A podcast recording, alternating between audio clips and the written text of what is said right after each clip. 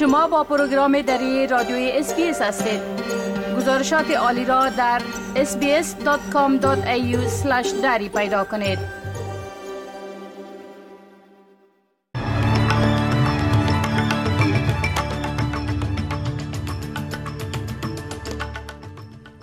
انتظار می رود که حزب لیبرال کرسی فدرالی فادن در کوینزلند را در انتخابات فرعی امروز دوباره به دست بیاورد. حکومت پاکستان از مقامات طالبان خواسته که وعده هایش در مورد اجازه ندادن و استفاده از خاکش علیه امسایگان را برآورده بسازد. حکومت بلاروس می گوید که سربازان واگنر از روسیه وارد آن کشور شده و به نیروهای بلاروس آموزش می دهند.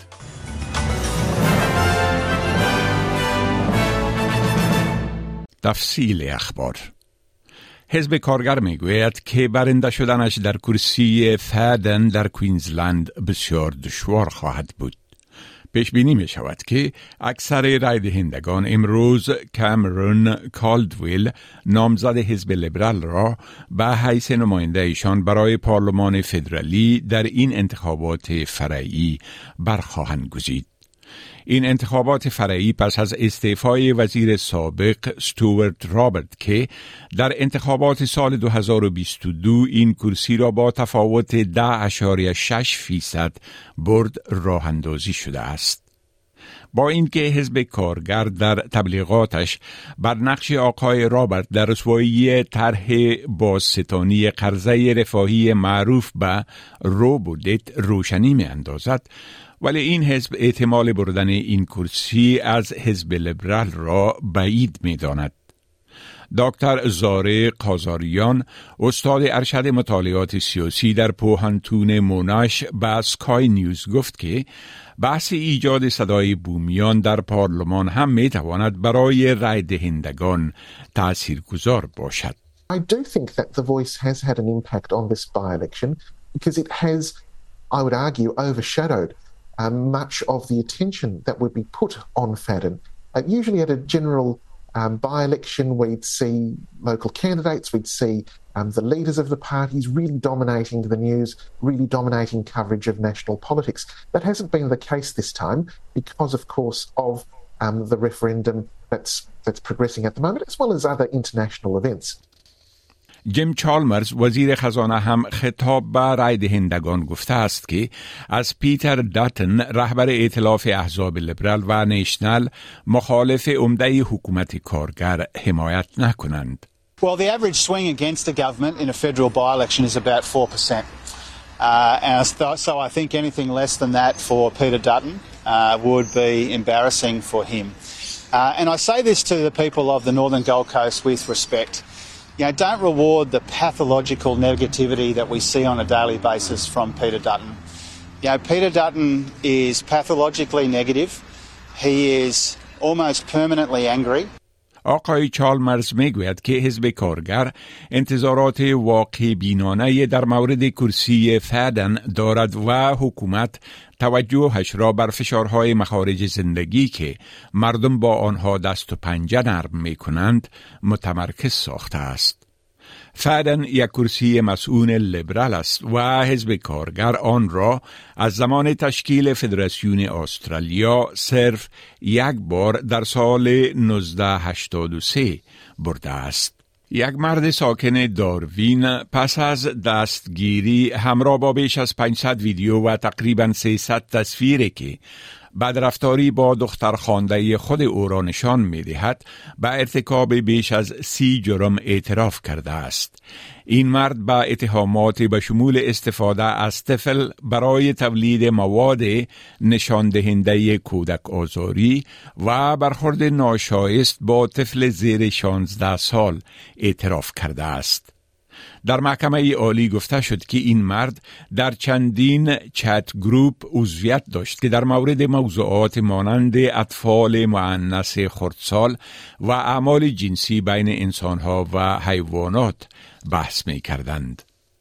حکومت پاکستان به تعقیب کشته شدن دوازده اسکر پاکستانی در تبادله آتش در منطقه جوب در نزدیک سرحد افغانستان تاکید کرده که طالبان افغانستان باید به وعده هایشان در ارتباط به اجازه ندادن به استفاده از خاکشان علیه همسایگان عمل کنند. ممتاز زهرا بلوچ سخنگوی وزارت خارجه پاکستان در یک نشست خبری گفته که مسئولیت اطمینان از استفاده نشدن خاک افغانستان برای اعمال تروریستی علیه پاکستان بر دوش حکومت طالبان است. او گفت که مقامات طالبان در بیانیه سی جانبه در سفر وزیر امور خارجه چین و سرپرست وزارت امور خارجه افغانستان در ماه می به اسلام آباد به پاکستان اطمینان دادند که از خاک افغانستان برای تروریسم علیه آن کشور استفاده نخواهد شد. سخنگوی وزارت خارجه پاکستان همچنان در مورد حملات راکیتی از خاک افغانستان بر مناطق در کرم ایجنسی معلومات داده و گفت که مسئولین امنیتی پاکستان در مورد این حملات تحقیقات می کنند. او تأکید کرد که این وضعیت بسیار نگران کننده است. مقامات نظامی پاکستان هم در مورد پناهگاه طالبان پاکستانی در افغانستان هشدار داده و گفتند که در مورد پناهگاه ها و آزادی رفت و آمد اعضای طالبان پاکستانی در افغانستان جدا نگرانند. حکومت بلاروس می‌گوید که سربازان گروه نظامی اجیر واگنر از روسیه وارد آن کشور شده و به نیروهای بلاروس آموزش می‌دهند. از زمانی که این گروه تحت حمایت حکومت روسیه در ماه گذشته شورش کوتاه مدت را علیه رهبری در مسکو راه اندازی کرد محل استقرار جنگنده هایش یک موضوع بوده که حدس و گمانهای قابل ملاحظه را به بار آورده است. طبق گزارش ها نیروهای واگنر به حیث مربیان چندین رشته نظامی در اردوگاه در حدود 100 کیلومتری جنوب شرقی منسک پایتخت بلاروس کار خود را آغاز کردند. انتونی بلینکن وزیر امور خارجه ایالات متحده می گوید که روسیه هیچ نشانه از تغییر جهت در جنگ خود علیه اوکراین نشان نمی دهد. این در حال است که وزرای خارجه چندین کشور در پایتخت اندونزیا برای اجلاس سالانه متمرکز بر امنیت جنوب شرق آسیا گرد هم می آیند. آقای بلینکن می گوید هیچ نشانه وجود ندارد که روسیه مایل به مشارکت در دیپلماسی معنادار در مورد این جنگ باشد. او همچنان می گوید که ایالات متحده از تحریکات چین نگران است. We're concerned by the PRC's increasing assertiveness in the South and East China Seas and in the Taiwan Strait. We remain committed to upholding freedom of navigation and overflight in the South China Sea, a critical throughway for global commerce and connectivity, and we support ASEAN's negotiation of a code of conduct consistent with international law. The United States also seeks to maintain peace and stability in the Taiwan Strait, which is in the interest of all nations. 50% of global commerce goes through that strait every single day. یک مطالعه جدید توسط محققان مؤسسات صحت اروپا تخمین زده است که بیش از 61600 نفر در 35 کشور اروپایی از اواخر ماه می تا اوایل سپتامبر سال 2022 در جریان گرمترین تابستان اروپا در اثر گرما جانهایشان را از دست دادند. این مطالعه که در مجله نیچر مدیسن نشر شده نشان می دهد که کشورهای مدیترانهی مانند یونان، ایتالیا، پرتغال و اسپانیا بلندترین میزان مرگ میر را به تناسب نفوسشان داشتند. یکی از نویسندگان این مطالعه جوئن بالیستر استاد مؤسسه صحت جهانی بارسلونا می گوید که شمار مرگ و میر بیشتر از آن است که بعض افراد تصور می کنند. First thing, the number is very large. I don't think that the population in general is aware of how big it is, and that's why this study may help to understand the magnitude of the problem. Heat and cold together kill as much as air pollution, and this is a reality that people may not be aware of.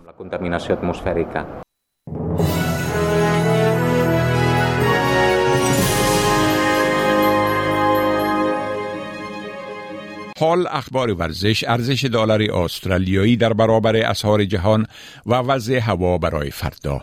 کارلوس الکراز تنس باز جوان اسپانیایی بازیکن روسی دانیل مدودیف را در دور semi-final تورنمنت Grand Slam ویمبلدن انگلستان شکست داده. و برای اولین بار به دور نهایی این تورنمنت رسیده است. این تنس بازی 20 ساله در دور نهایی یا final ویمبلدن با نوواک جاکوویچ تنس بازی 36 ساله سربستانی که هفت بار لقب قهرمانی این تورنمنت را به دست آورده مقابل خواهد شد. آقای جاکوویچ با غلبه بر تنس بازی جوان ایتالیایی جانیک سینر برای سی و پنجمین بار به دور final تورنمنت های Grand Slam جهان رسیده است. ارزش یک دلار استرالیایی در بازارهای تبادله اسعار معادل تقریبا 59 افغانی 68 سنت امریکایی 61 سنت یورو و 52 پنس بریتانوی می باشد. و حال پیشگویی هوا برای فردا. ملبورن نیمه ابری 15 درجه سانتیگراد سیدنی احتمال بارش 19 درجه سانتیگراد کمبرا کم ابرالود 16 درجه سانتیگراد برزبون نیمه ابری 24 درجه سانتیگراد ادلید اکثرا آفتابی 15 درجه سانتیگراد پرت آفتابی 19 درجه سانتیگراد هوبارت احتمال بارش 15 درجه سانتیگراد و داروین آفتابی 32 درجه سانتیگراد. این بود تازه ترین اخبار از پروگرام دری رادیوی SBS